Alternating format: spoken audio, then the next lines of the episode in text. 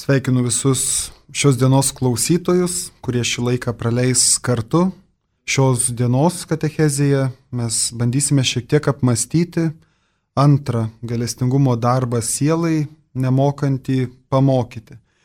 Tai nėra paprastas darbas, nes labai dažnai lengva kitus mokyti, tačiau daug sunkiau besiklausančių nesupykdyti. Tačiau tai yra reikalinga ir tai yra vadinama gailestingumo darbu sielai. Ir popiežius Pranciškus sakė, kad turi labai didelį troškimą, na, vat, kad krikščionys daug laiko mąstytų apie gailestingumo darbus tiek kūnui, tiek sielai. Ir šitas mąstymas jisai vėlgi negali likti be vaisių. Tiesiog, kad mes mastom apie tuos darbus, tačiau jie turi išvirsti į mūsų gyvenimą, tapti mums gyvenimo atramomis. Ir vargšų mes turime visą laiką savo tarpę, tad ir šie gailestingumo darbai jie niekada nebesibaigs. Ir svarbu atkreipti dėmesį, kad e, be abejo kūnui tai yra tokie darbai labai regimi, kur žmonės tikrai yra vargstantis, tačiau lygiai taip pačiai mes galim būti ne tik tais kūno vargšai, tačiau ir sielos vargšai. Ir matyti apie tą sielos vargą šiandieną labiausiai ir kalbėsimės. Ir viso šio mūsų pašnekesio katechezės ramstis ir pamatas be abejo bus šventasis raštas, mūsų tikėjimo knyga, kuri mus įkvėpia bet kokiam mūsų veikimui. Ir bandysim atsakyti tokius paprastus klausimus, kas mūsų tikinčių akivaizdui perspektyvų yra tie nemokantis arba dvasios vargšai, kuriuos turėtume mokin, mokyti Taip pat kokiomis formomis mes galime juos mokytis ir iš ko galime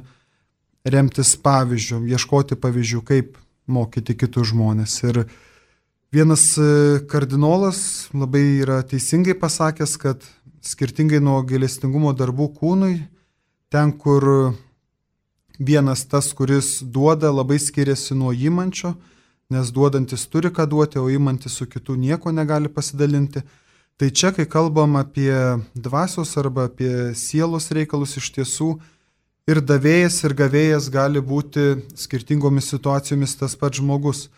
Ir puikiai žinom, kad vėlgi mes kiekvienas tikintis žmogus esam kviečiamas mokytis visą gyvenimą, kad gyvenime kuo daugiau išmoktume, kuo daugiau dalykų sužinotumėm ir juos galėtume gyvendinti savo gyvenime. Tačiau Yra momentai, kada mes jaučiamės labai stiprūs ir gebam tais pamokymais gyventi, yra momentų, kada iš tikrųjų jaučiamės silpni arba nežinom, ką daryti. Ir tokiais momentais be abejo mums yra reikalingi kiti žmonės. Ir svarbiausia yra matyti nestovėti vietoje, o ieškoti atsakymų, nes gyvenimas yra labai skirtingas, tačiau Dievo žodis jisai na, niekada nesikeičia kai kalbam apie mūsų žinojimo sritis ir ypatingai jeigu kalbame kaip krikščionis apie savo tikėjimą, apie tikėjimo turinius, tai iš tiesų labai dažnai turim pripažinti, kad ir su nuolankumu, kad yra dalykų, kurių nežinome ar neišmanome. Ir tą vėlgi patikrinti galim labai paprastai savo gyvenimo situacijose, kasdieninėse. Jeigu mes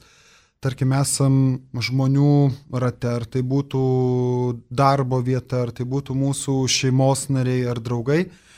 Ir tikrai atsitinka tokių situacijų, kada pradėjus kalbėti tikėjimo temomis mes nesugebame kitų žmonių įtikinti, atrodo, pritrūksta argumentų, kad gebėtumėm kažkaip aiškiai kalbėti apie savo tikėjimą ir kiti žmonės klausinėja įvairiausių dalykų. Ir tuo metu matyti ypatingai pajuntam, kad norėtųsi žinoti visus tikėjimo atsakymus, jei tai matyti iki galo niekada ir nebus įmanoma. Tačiau bent jau pagrindinius dalykus, ką reiškia būti tikinčiu žmogumi, kokie yra pagrindiniai tikėjimo mūsų punktai, koks yra mūsų tikėjimo tikslas, ką mes tikime, na, tuos dalykus turėtumėm kiekvieną savo jau būti įsivardęs, kai kalbame su kitu žmogumi, ypatingai tikėjimo temomis. Ir Vien dėl šios priežasties irgi galim pasiremti Petro laišku, kada jisai sako tikintiesiems, na, kad iš tikrųjų būkite visą laiką pasiruošę atsakyti kiekvienam, kuris tik klaus apie viltį esančią jumise, nes žmonės sužinoja, kad, tarkim, mes esam tikintys, na, jie natūraliai gali klausti įvairiausių dalykų ir be abejo jie iš mūsų tikisi ir gauti atsakymus. Ir tam, kad mes gebėtumėm tuos atsakymus duoti, tai prieš tampant tais tų žmonių mokytojais be abejo, kad mums reikia praeiti ir tą mokinių studentų kelią. Ir taip jau yra, kad tas mokinystės studento kelias, jisai, na, niekada nepasibaigia, jisai tęsiasi. Tačiau tuos nueitus gyvenimo etapus, įvairias turimas tikėjimo patirtis ir žinomus jau tikėjimo dalykus, tai be abejo mes juos galime dalinti kitiems žmonėms ir ten jau tapti kitų mokytojais, tuo pačiu dar besimokant. Ir ypatingai žinom, kad bažnyčioje tą tarnystę turi popiežius, Petro vietininkas šią žemę, turi viskupai kaip mūsų ganytojai, jų bendradarbiai kunigai, vėliau katechetai, kurie padeda kunigams parapijose ar kitose vietose ugdyti tikinčiuosius, taip pat įvairiausių maldos grupelių vadovai. Ir galų gale kiekvienas tikintysis irgi yra įpareigotas dalinti savo tikėjimu ir mokyti kitus. Ir atliekant šitą tarnystę vėlgi turim suvokti, kad e, tai nėra tik tais mūsų žinojimo ir išminties perteikimas toks, kokiu perteiktų kokios nors firmos direktorius ar galę turintis žmogus. Visgi tie, kurie perteikiam vieną ar kitą žinią, tai mes labiau turėtumėm jaustis tais tarnautais arba ministrais, kurie patarnauja kitiems. Ir tas yra todėl, kad na, mūsų pats pagrindinis mokytas be abejo yra Jėzus Kristus, iš kurio mes mokomės, kurį mes savo gyvenimu kopijuojam ir kurį bandom panašėtis. Ir būtent jo perduotų tikėjimų mes ir dalyjėmės su kitais jį gyvendindami. Ir ypatingai popiežius irgi ragino, na, neužsidaryti, kad tiek, kiek mes tikėjimo jau esam atradę, tiek, kiek esam perskaitę dalyko apie tikėjimą, na, tai man ir užtenka, aš esu tikintis, patenkintas ir viskas gerai. Man toks gyvenimas yra tinkamas. Tačiau jisai sako, kad, na, negali būti uždarytas tikėjimas, jisai turi irgi verštis ir būti padalintas kitiems žmonėms, net jeigu ir tai nėra visą laiką patogu. Ir čia yra kiekvienam iš mūsų iššūkis, tačiau puikiai suprantam, kad ir mes esam kitų pamokomi tikėjimu, lygiai taip pat ir kiti žmonės yra reikalingi kitų žmonių, kurie juos pamokytų tikėjimo dalykų. Ir tą reiktų daryti be abejo su nuolankumu, suvokiant, kad ir mes kitus mokam, nors patys esam riboti ir netobuli. Tačiau ta šventosios dvasios ugnis, kuri yra mumise, jinai, jinai jinai gali skleistis ir turi skleistis į kiekvieną mūsų suteiktą žmogų. Dėl rezultatų, tai čia irgi matyt mums daug palengvintų, jei mes suprastumėm, kad kai mokom kitą, kad ne tik mes turim pamatyti tą rezultatą jau tokį gatavą ar paruoštą, tačiau dažnai reikia palikti ir Dievui veiktuose žmonėse, labiau būti įsėjais, apie kuriuos kalbėjo Jėzus Kristus, kurie kalba apie Dievo žodį, dalyjasi tikėjimo išmintim, tačiau galiausiai palieka pačių žmonių nuosprendžių, jų pasirinkimams ir kad Dievas galbūt ir juose pažadins tą savo šviesą. Ir vėlgi, jeigu žvelgiant į mūsų tikėjimo mokytą Jėzų Kristų, tai prisiminkim jo mokymus, jie irgi ne visada buvo labai lengvai priimami. Ar jisai būtų buvęs tėviški, arba, pavyzdžiui, kaip jisai mokė Kafarnaume ir daugelis mokinių, kaip rašo Jono Evangelija, Tai išgirdę pradėjo kalbėti kiti jo žodžiai, tai kas gali tokių kietų žodžių klausytis. Ir tada Jėzus, man tarsi pasimetęs klausė tų dvylikos, sako, gal ir jūs norite pasitraukti, jeigu nesuprantate, ar jums yra per sunku tai, ką kalbu. Tačiau mokiniai na jaučia tą trauką prie Jėzus, sako, viešpė pas ką mes eisime, nes tu turi amžino gyvenimo žodžius. Taigi suvokia, kad tie dalykai, net jeigu yra ir sunkus kartais klausyti ar įvykdyti, tačiau jie na, turi tokį amžinybės aspektą ir jų beklausant protas pradeda kalbėti, kad tai, ko moko Jėzus Kristus, tai yra teisinga ir verta taip gyventi. Ir tada, ką mokiniai sako, mes įtikėjome ir pažinome, kad tu esi Dievo šventasis. Ir na, su tokiu pamatu visgi troškimu dalinti su kitais, tapti mokytojais patiems dar esant mokiniais, mes galime toliau žvelgti, ką reiškia nežinojimas įvairiausių dalykų. Ir be abejo, sunku būtų kalbėti apie tokį praktinį nežinojimą, ypatingai kai mūsų dienomis galim naudotis internetu ir daugybę dalykų žmonės labai lengvai sužino, ko nežinojo anksčiau arba galbūt būdavo sunku jiems sužinoti. Tačiau matyt labiau turėtumėm kalbėti apie tokį žinojimą, kuris mums padeda tam, tapti gyvenime išmintingiems ir Tai nebūtinai reiškia, kad žmogus turi būti pabaigęs daugybę mokslų arba, kaip sakom, žmogus išsilavinęs arba kultūringas, labai aukšto kultūros lygio, kuris gali kalbėti įvairiausiomis temomis.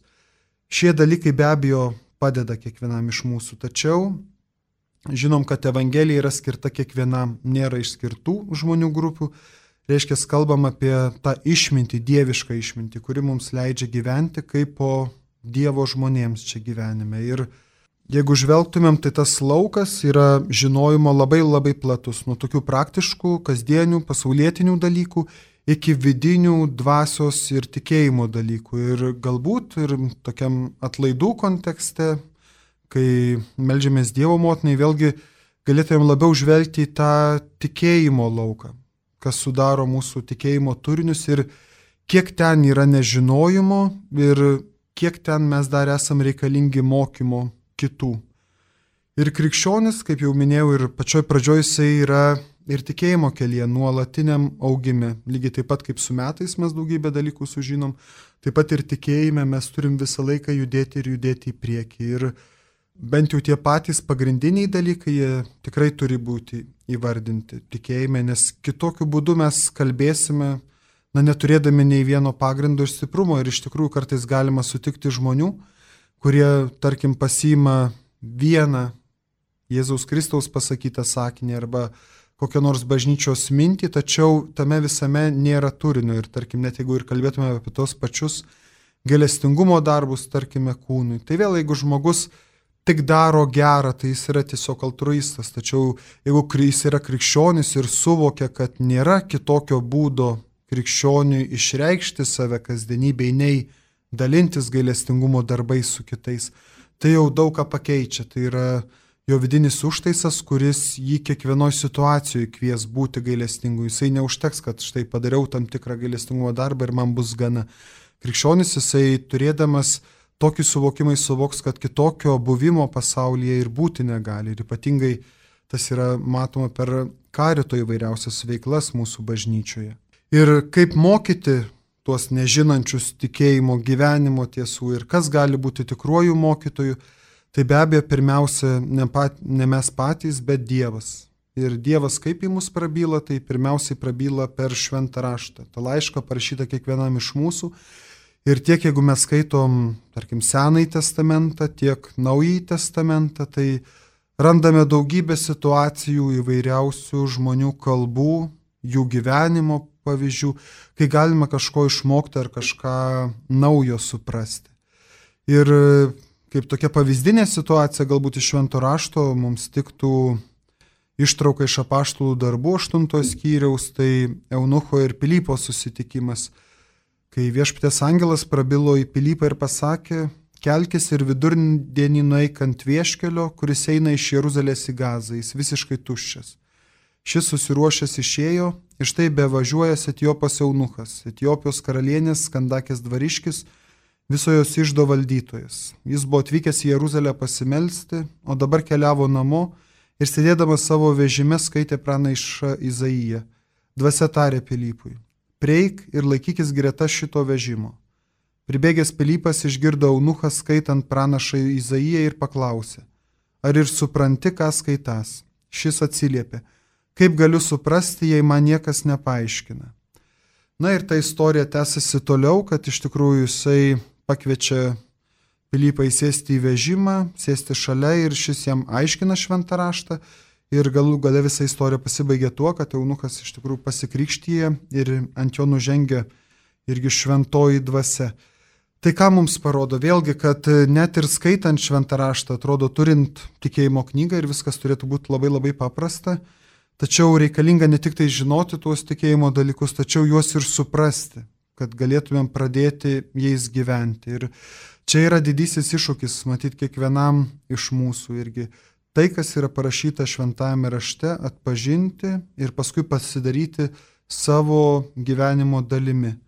Ir na štai tas jaunukas Pilypo pagalba jisai tą sugebėjo padaryti Lygiai taip pačiai mums yra nuoroda, kad ir mums reikalingi ir labai konkretūs žmonės, kurie mums kalbėtų apie tikėjimą ir tokiu būdu mums galėtų atverti irgi Dievo išminties paslaptis. Ir tam reikalingas ir ūkdymas, mokymas bei to tikėjimo perdavimas. Ir psalmės taip pat kalba, kad Dievas, na, jis yra pats pagrindinis žmogaus mokytojas. Ir kame mes atpažįstam tą pilnatvę, tai be abejo Jėzuje Kristuje. Ir Jėzus jisai gyveno tarpo žmonių kaip didis mokytojas, kuriuo galime remtis ir tikriausiai kiekvienas iš mūsų, kai pradedam kalbėti kitam apie tikėjimą, tai turėtumėm kalbėtis, ne, pradėti kalbą ne tik nuo savo gyvenimo liudyjimo ar kokios istorijos, tačiau pirmiausia kalbėti apie Jėzų Kristų, apie tai, ką jisai darė, ką jisai kalbėjo ir kokiam gyvenimui kvietė. Nes kitų būdų, jeigu mes kalbėsime tik apie savo patirtis, labai dažnai vėlgi gali būti mūsų pačių proto vaisius ir nebūtinai atitikti Dievo mintį. O ta Dievo mintis taip, ką mes skaitom, tarkim, šventam rašte, ką mes išgirstam apie Dievą, tai mes jau vėliau sustiprinam savo gyvenimo liūdėjimu, kad štai Jėzus moko taip ir taip, aš gyvenime irgi bandau tai žodžiais gyventi ir kaip man sekasi. Ir tada žmogus, jisai, kuris klausosi mūsų, jisai negalės to nubraukti, nes tai bus mūsų gyvenimo išgyvenimas. Ir Tai yra labai svarbu ir būtent tokiam mokymui, ypatingai tikėjimų dalykų, tai yra kviečiamas kiekvienas. Tai nėra, kad tik tais vyskupas ar kunigas tą turi kalbėti per pamokslus ar per katechezės, tačiau kiekvienas iš mūsų, bet kuris Dievą tikinti žmogus, jisai geba tikrai skaityti šventą raštą, geba jį medituoti, pasidaryti savo savu ir jau vėliau su savo tikėjimo tokiu kasdieniu liūdėjimu dalinti su kitais žmonėmis. Ir Jeigu kalbant apie pasauliečius ir tarkim tuos, štai kurie ir gilinatės klausydami Marijos radiją į savo tikėjimą, tai galit save tikrai priskirti ir prie tų pranašų, tokių charizmatiškų žmonių, kurie buvo Dievo dvasios įkvėpti, stiprinti savo tikėjimą, atrasti Dievo balsą savyje ir vėliau tuo tikėjimu dalinti su kiekvienu žmogumi ir dalintis drąsiai, nežiūrint, ar tie žmonės iš tikrųjų pritars tam, ką mes sakom, ar jie mus atmens, nes taip jau yra, žinom, vėlgi ir iš Jėzaus kalbų ir jo mokymo, tai arba vieni jį įsimylėdavo, tapdavo jo mokiniai, sekdavo ir skilo tikrai tu esi viešpats ir na mes be tavęs neįsivaizduotumėm savo gyvenimu. Tu mums reikalingas, kad mes taptumėm žmonėmis iš didžiosios raidės, o kai kurie žmonės tiesiog jo pasipiktindavo arba net pradėdavo nekesti ir žinom, kad visgi ir Jėzaus veikla, tas buvimas geru ir žmonių mokymas, jisai visgi vis tiek jį vedė link kryžiaus kančios. Ir vėlgi ta vieta, kur tarp žmonių tas gali įgyti, tai pirmiausia yra šeima. Ir šeimoje mes pirmą kartą kažką sužinome apie tikėjimą ir tai yra matyti pati svarbiausia terpė, kur tas vat, paliepimas arba galestingumo darbas nemokant įmokyti yra reikalingas, kada vaikai dar yra visiškai maži ir kad ten jie galėtų susikurti savo krikščionišką pasaulyje žiūrą, suprasti tam tikrus dalykus apie Dievą arba tam tikrus veikimo mechanizmus. Ką reiškia būti gailestingu, ką reiškia būti jautriu, ką reiškia turėti pagarbą, ką reiškia mylėti kiekvieną sutiktą žmogų ir ką reiškia atrasti savo santykių su Dievu. Vėliau be abejo augant žmonėms yra reikalinga ir ne tik šeimos narių, tačiau jau ir kitų žmonių parama, tarkim, būrintis į bendruomenės, kad palaikytų ir viskupai savo žodžiu, ir kunigai, bei kiti žmonės, kurie tuo užsijima. Ir apaštas Petras vėlgi ir skelbimo pradžioje jisai, kas sakė, kad, na, iš tikrųjų noriu, kad žinotumėte, broliai. Taigi vėlgi tas noras begalinis, kad visa bendruomenė būtų ne tie, kurie klaidžia tamsiais, bet tie, kurie iš tikrųjų na, labai tvirtai suvokia, ką tiki ir yra būtent Jėzaus Kristaus mokiniai ir jo žmonės. Ir taip pat vėlgi apie tą pačią katechezę mes galėtumėm rasti ir laiškė žydams, kada yra rašoma, todėl palikę pradinį Kristaus mokslą, kreipkime prie tobulo mokslo, užuot vėl dėję pamatus iš atsivertimo nuo negyvų darbų, iš tikėjimo Dievu, iš mokymo apie krikštus, rankų uždėjimo, mirusių prisikėlimo ir amžinybės teismo. Taigi Kristaus mokslas jisai yra pamatas, tačiau toliau, toliau jau tęsiasi, tęsiamus yra mūsų darbas mokyti, mokyti kitus žmonės arba kitaip galėtumėm sakyti, dalintis savo tikėjimu. Ir iš tikrųjų jau pirmosios bendruomenės jos turėjo ne tik tai šventikus kunigus, tačiau jau turėjo ir tuos tikėjimo mokytojus, kurie vėlgi gebėjo mokyti bendruomenės. Ir tą vėlgi, jeigu skaitytumėt Naujajam testamente laiškus, tai tikrai ne vieną jų atrastumėm. O jeigu žvelgtumėm į patį Jėzų jo gyvenimą ir ką apie jį kaip apie mokytoją žinome, tai vėlgi jo vaikystė yra mums pakankamai paslėpta, tačiau turime labai iškalbingą jo gyvenimo momentą, kada jis yra 12 metų, jisai pabėga nuo savo tėvų ir štai yra atrandamas po trijų dienų šventykloje, kada jisai sėdėjo tarp mokytojų, klausėsi juos, taip pat juos klausinėjo įvairiausių dalykų, taigi buvo žingeidus, norėjo surasti tiesą, nes tai yra svarbu, kad žmogus norėtų pažinti.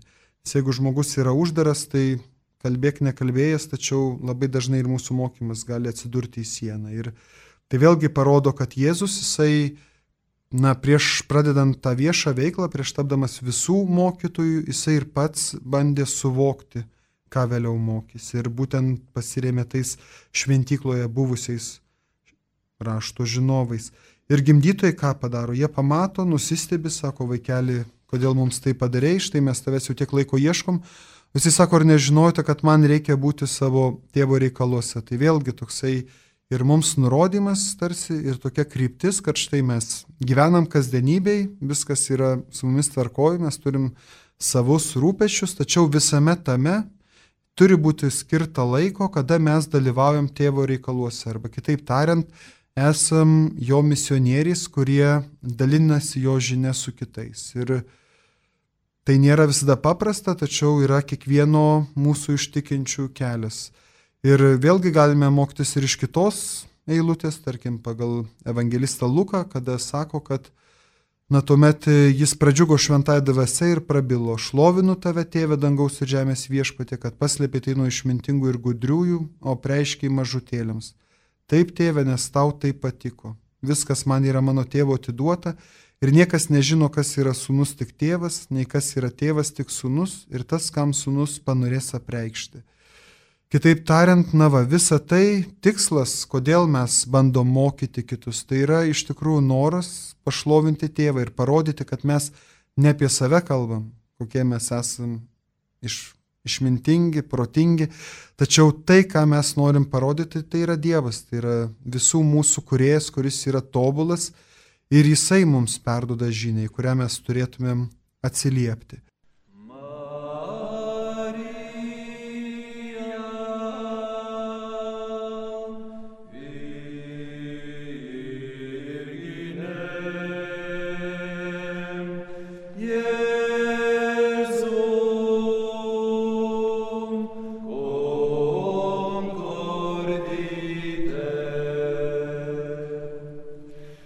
Oh.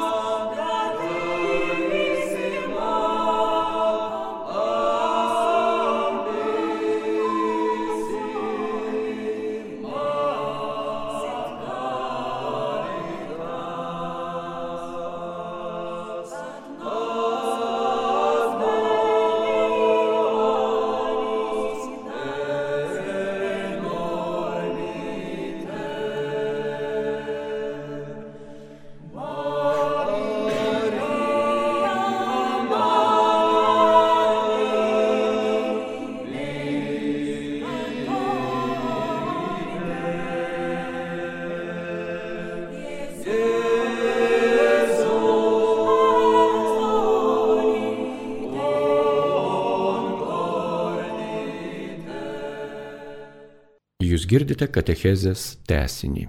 Prie mikrofono kunigas Mindaugas Bernotavičius. Be abejo, Jėzus jisai jau pradėdamas tą veiklą ir turėdamas tikslą parodyti žmonėms savo tėvą, tapti jį, sakytumėm, tokį apčiuopiamą, labai regimą per įvairiausius Jėzaus Kristaus darbus ar kalbas, jo veiksmus, jisai turėdavo ir pakovoti. Ir tarkim, žinom, kad žmonės, na, jam įvairiausius pastus spesdavo. Tarkim, vėlgi tie patys, kurie žinodavo šventą raštą visai neblogai, jie klausdavo, o kodėl štai, tarkim, Moze mums leisdavo atleisti žmoną, o dabar čia tarsi tu sakai, kad ir negalima, kad jie tampa vienu kūnu, arba duoda pavyzdį apie septynis brolius, kurie vienas po kito mirties turėdavo tapti vyru vienos žmonos ir klausė, tai po mirties kaip čia bus su tais septyniais broliais ir ta viena žmona. Ir štai čia jau Jėzus turėjo rodyti savo išmintį, kad jis ne tik žino eilutes, tačiau jisai gebėjo juos mokyti ir vesti į priekį. Jisai kalbėjo iš tiesų, kad Na štai Moze dėl jūsų širdies kietumo kalbėjo apie žmonių atleidimą, todėl kad jūs patys jį provokavot, arba kad po šio gyvenimo na, laukia netoks gyvenimas, kaip mes jį matom kasdienybėje ir kad žmogus neturėtų projektuoti tokio paties gyvenimo, kad visgi tada, kai mes mirsim ir nukeliausim pas Dievą, tai bus kitoks buvimas, kur niekas, kaip jis sako, nei ves, nei netikės. Tai va visi tie dalykai iš tikrųjų jie buvo skirti tam, kad, na, va, žmonės taptų žinančiais iš to nežinojimo, kad jie taptų išmintingesniais, jeigu jie to nori, nes visą laiką laisva valia pas mus vyksta. Ir žydai stebėjusi ir sakė, pasak Jono Evangelijos, iš kur jis išmano šventą raštą visai nesimokęs. Ir Jėzus jiems atsakė, mano mokslas ne mano, bet to, kuris yra mane siuntis. Tai štai mes nenorim subirėti irgi kalbėdami kitiems žmonėms apie gyvenimo išmintį, tai na, visapusiškai mūsų kalba turėtų remtis šventuoju raštu. Kad mes kalbam apie tai, koks yra tėvas, koks yra Dievas ir kokiam gyvenimui kiekvieną iš mūsų jisai kreipia ir kokiam gyvenimui mus kviečia. Ir be abejo, ši žinia tada tikrai, tą galime labai praktiškai įsitikinti, na, jinai abejingų nepaliks. Deja, ne visada tas rezultatas yra paprastas ar galbūt toksai, kokio mes norim ir Puikiai žinom, kad daugybė ir tikrai gerų tikinčių žmonių sako, kad štai aš kalbu savo šeimos nariams, kalbu aplinkiniams apie tikėjimą, noriu juos uždegti tikėjimu, bet kažkas nesigauna, jie klauso, tačiau niekas juose nesikeičia. Tai ar mes čia esam tarsi Dievo kažkokie nuskriausti, ar mes negebam to daly, daryti teisingai, ar mes čia suklystam. Tai be abejo mes turim būti reiklų savo, kalbėti teisingus dalykus, kalbėti apie šventą raštą, apie tikėjimo pamatus, tačiau visgi ta antroji pusė tai yra kiekvieno žmogaus nuosprendis. Ir dėja taip yra, kad misija iš tikrųjų jinai iš savęs duoda, na, o tie, kaip ir minėjau, pradžioj rezultatai, jie lieka visą laiką su labai dideliu klaustuku. Ir priklauso, kokie tie žmonės yra. Ir vėlgi, žvelgiant į Evangeliją, mes matom keletą tokių skirtingų grupių. Tai yra vėlgi tie žmonės, kurie, na, nesupranta, kad nežino. Ir dažnai to nepripažįsta, kad, tarkim, neteisingai supranta dalykus. Ir kaip vienas iš tokių Evangelijos personažų, tai galbūt būtų labai dažnai Petras, kuris iš vienos pusės jisai Dievą šlovina, jo džiaugiasi, štai sako, tu tikrai esi viešpats ir Dievas, tačiau lygiai taip pačiai, kai Jėzus Kristus pradeda kalbėti apie kryžiaus paslapti, kad tai, kam jisai eina į Jeruzalę, tai nėra noras paskelbti save karaliumi, tai yra pris, noras prisijimti kryžių už mūsų nuodėmės. Na, Petras to negeba suprasti ir jam kyla daugybė klausimų, žinom, tie klausimai priveda iki to, kad jisai ir keletą kartų išsižada Jėzus, tačiau, na va, reikia tam tikro laiko, kad jisai matyt save perkeistų ir pažintų, kam Dievas kviečia. Tai tokių žmonių iš tikrųjų galim susitikti savo tarpę, kada jie na, turi tam tikrą tikėjimo modelį, sako, na, bet aš jau čia viską suprantu, esu tam tikrą tikėjimo kelią nuėjęs, reikia tikėti taip, taip ir taip Dievu. Ir, na, jau visa kita, ką kalba, tai jau čia tegul jie bando prisitaikyti savo. Tai toks požiūris, na, jis nebūtų iki galo teisingas. Be abejo, tai nėra žmonės kurie, kaip sakyt, nieko nežino apie tikėjimą, žino kažką, tačiau labai dažnai turėdami tam tikrą modelį, jie na, save uždaro nuo galimų naujovių arba nuo to, kad jie klysta. Ir Petras, jisai sugebėjo persikeisti, atsiversti ir tapti tuo žingeidžiu tikinčiuoju, kuris nori atpažinti tiesą ir yra atviras pasikeitimams. Arba taip pat mes turime tokių žmonių, kurie, na štai, jie žino, kad dar ne viską suvokia gyvenime. Ir jie tą pripažįsta. Ir čia galbūt jau būtų toksai geresnis kelias, kada jie pripažįsta, kad yra ieškojime arba, tarkim, kelia savo klausimus. Ir vienas iš tokių, irgi jeigu būtų, kalbėtumėme apie švento rašto personažus, tai yra Nikodemas, raštų žinovas. Taigi jisai nėra toks impulsyvus galbūt kaip Petras, kuris štai kažką išgirsta ir jis užsidega ir tą momentą jau atrodo, kad viską žino. Nikodemas yra išmintingas žmogus ir mes turime ypatingai jo gražų susitikimą su Jėzumi, kurį irgi atrandame Evangelijoje pagal Joną, kada na, Jėzus geba jam atverti, sakytumėm, naujus horizontus ir jisai ateina nakčia ir kreipiasi į Jėzų Sako, rabi, mes suprantame, kad esi atėjęs nuo Dievo kaip mokytojas, nes niekas negalėtų padaryti tokių ženklų, kokius tu darai, jeigu Dievas nebūtų su juo.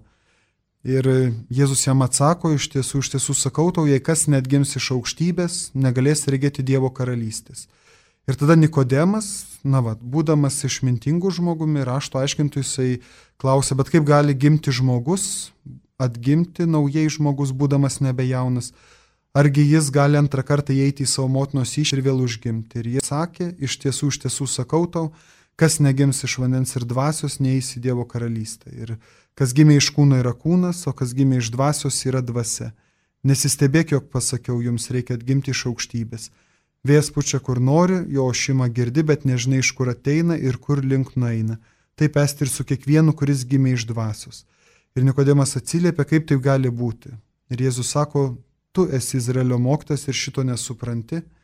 Tai štai jisai Nikodemą palieka su klausimu, tačiau tuo pačiu prieš tai jisai na, kalba apie naują užgimimą. Ir be abejo, mums tikintiems žmonėms tai visą laiką yra nuoroda, na, kad štai mes gyvenam kasdienybė ir kokio amžiaus bebūtumėm, bet visą laiką galime atsiversti ir tapti artimų Dievo mokiniu, tuo, kuris jį seka. Ir kad čia jau jokių barjerų nėra, kad Dievas yra atviras, atviras kiekvienam žmogui. Ir be abejo, va, tokie žodžiai, jie formavo Nikodemą. Nikodemas galėjo užsidaryti ir sakyti tiek, kiek aš jau žinau, tiek žinau.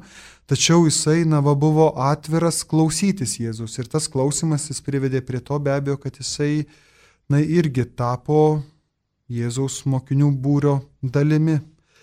Ir treti žmonės ir čia matyt būtų pati sunkiausia kategorija šalia jų, tai būtų tie, kurie tiki viską žinantis ir kad jau visi atsakymai yra pasakyti, kai iš tikrųjų taip nėra. Ir tokie žmonės labai sunkiai pasiduoda mokomi. Tai būtų fariziejai ar ašto aiškintojai, kurie jau žinojo, kad turi visą tikėjimo lobyną ir nieko čia jau naujo nepakeis. Ir kas kalba kažką priešingai, tai be abejo jisai iš karto yra blogas. Ir čia vėlgi jie nėra tokie impulsyvūs kaip Petras, kuris galbūt mėtosi iš vienos į kitą situaciją, kada jisai pasitikė Dievu, juo abejoja, kelia klausimus, tačiau kurie iš karto atmeta bet kokį savęs sugdymą ar mokymą. Ir Kai kurie teologai kalbėjo apie tokį šventą nežinojimą. Iš tikrųjų, tai čia yra daug nuolankumo turintis nežinojimas, kada mes suvokiam, kad yra sritys,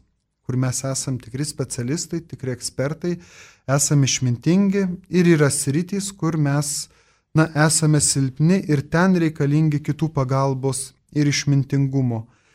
Ir tikėkime, kad ir mes savo gyvenime susitinkam tokių žmonių, kuriems galim padėti, kurie, na, va, renka tuos tarsi Saulės spindulius, kad iš tikrųjų keliaujant link to šviesos jie galiausiai pamatytų pačią Saulę arba mūsų viešpatie Jėzų Kristų ir leid, leistųsi jo ugdomi.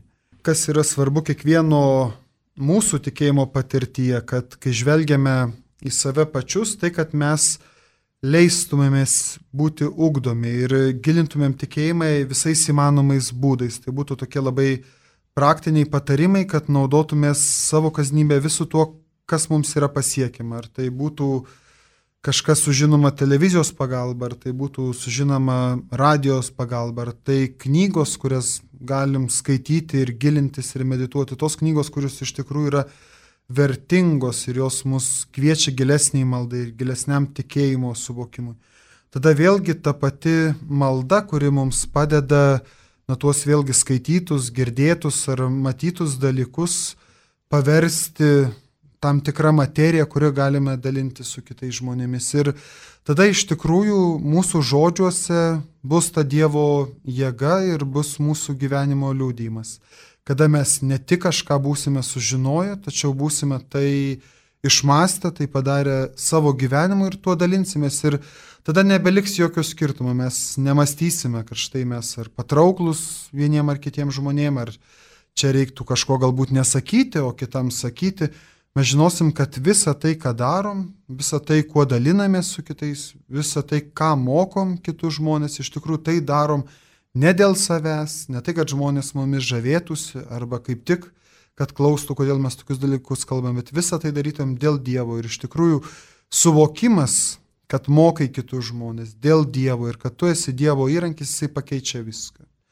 Iš tikrųjų tampi vidiniai laisvas kalbėti su bet kuriuo sutiktu žmogumi. Ir Jėzus Kristus yra pats didžiausias to pavyzdys, tą savo turim kartoti kiekvieną dieną, kad iš tikrųjų jisai susitikdavo su visais žmonėmis, su visais gebėjo kalbėtis ir kiekvienam iš jų jisai atskleisdavo savo tėvo veidą. Ir taip jisai gebėjo prieiti prie pačių žmonių gebėjimo išmokti ir išgirsti. Jisai pažvelgdavo kiekvieno žmogaus konkrečią situaciją, tačiau žinia jinai visą laiką buvo tokia pati, kad pasaulyje, jeigu mes norime tapti žmonėmis iš didžiosios raidės, na mes turim tapti Dievo vaikais. Ir ypatingai šiandieną, man atrodo, šis kvietimas tokiam gailestingumo darbui, nemokančius pamokyti, jisai labai labai reikalingas, kada pasaulyje yra daugybė mąstymų, daugybė savų išvedžiojimų, daugybė klajonių.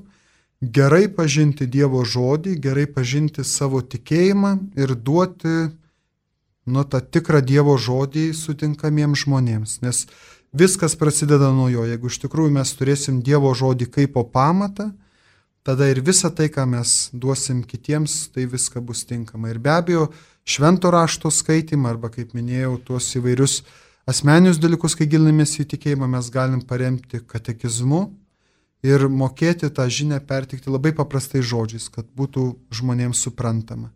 Laidoje jums katecheze vedė kunigas Mindaugas Bernutavičius.